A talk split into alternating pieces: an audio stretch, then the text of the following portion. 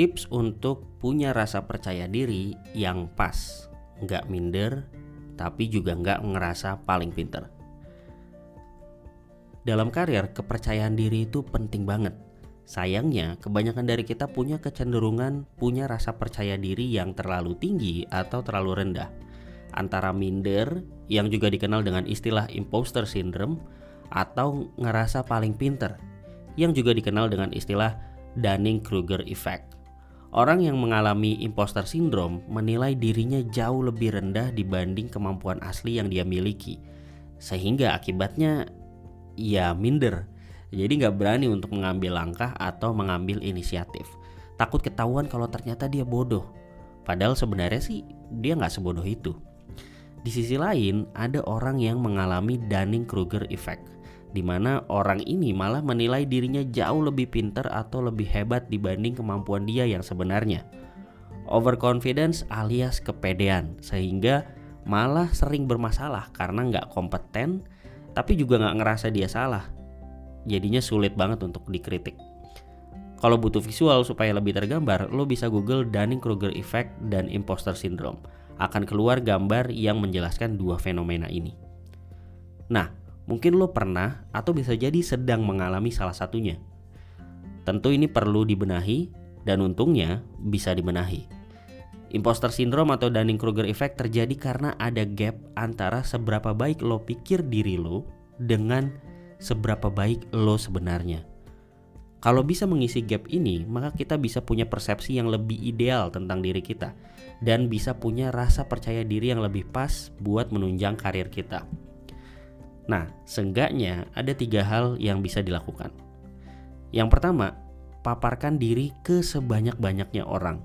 Baik itu teman kerja sekantor, peers di luar kantor, teman komunitas, pekerja satu profesi, mentor, menti, pokoknya siapa pun yang relevan dengan pekerjaan kita.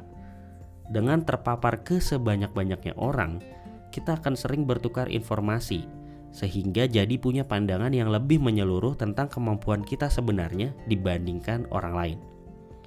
Akhirnya, kita akan bisa menilai diri sendiri dengan lebih objektif. Yang kedua, rutinkan belajar dan mengajar. Belajar secara rutin, baik dengan baca buku, dengerin podcast, ikut webinar, ambil pelatihan, dan sebagainya, akan bikin kita ngerasa bahwa masih banyak ruang berkembang buat kita.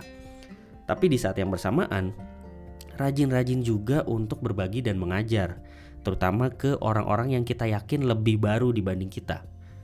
Misalnya ke junior-junior atau dengan bikin konten di Instagram atau LinkedIn misalnya. Kenapa? Karena dengan berbagi dan mengajar, kita akan tahu apa sih yang sebenarnya kita udah tahu. Dan jadi timbul kepercayaan diri bahwa kita punya ilmu dan pengalaman juga untuk dibagikan kita sebenarnya berprogres dari pertama kali kita mulai, makanya ada yang bisa kita bagikan. Jadi, kepercayaan diri kita tetap terjaga sembari kita juga terus menjaga minat belajar. Yang ketiga, menjalankan prinsip we are always a work in progress.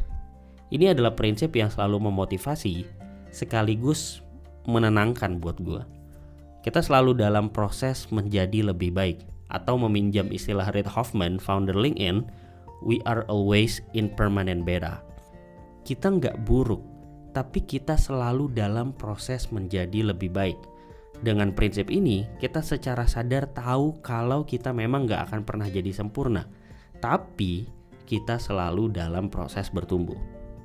So, dengan tiga hal ini, kita bisa mendekatkan gap antara apa yang kita pikirkan tentang diri kita dengan kondisi kita yang sebenarnya sehingga kita bisa punya rasa percaya diri yang pas nggak kurang dan nggak lebih nggak minder tapi juga nggak ngerasa paling pintar dan hopefully dengan itu kita bisa bertumbuh dengan lebih baik dalam karir kita.